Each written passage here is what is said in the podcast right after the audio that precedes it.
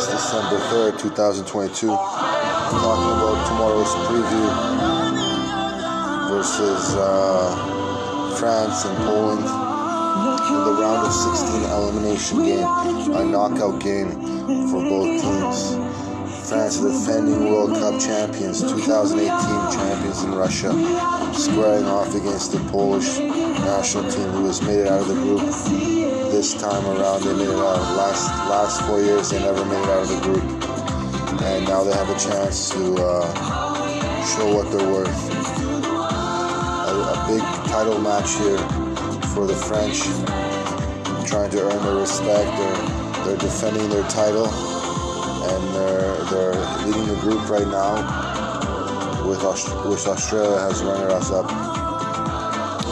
Poland finished second against the Argentinians, and uh, Argentina topped the group, so it'll be a very interesting match. Lewandowski will be playing his best game. Same with uh, Giroud. Giroud will be playing his best game. It's going to be a very interesting matchup for both strikers.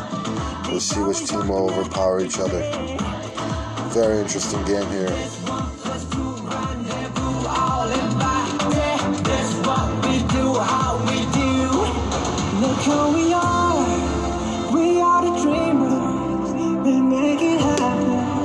Cause we believe it. Look who we are.